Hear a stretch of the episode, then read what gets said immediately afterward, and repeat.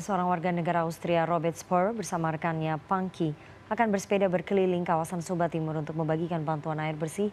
Selama dua hari mereka akan bersepeda menempuh total jarak 300 km.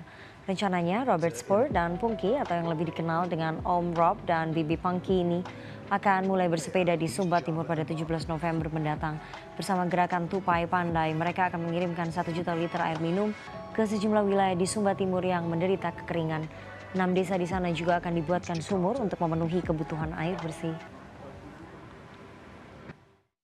Giving the message to uh, mainly the children uh, that it's important to live a healthy life, to do some olaraga, and uh, also for protecting the environment, basically not throwing things away and kurang plastic, you know. So uh, that's why we always combine uh, our social project, uh, whatever it is, uh, by doing some sport. Kalau untuk jarak sih kita udah biasa jauh, tapi untuk panas doakan kami selamat. Ya, semangat ya. Iya.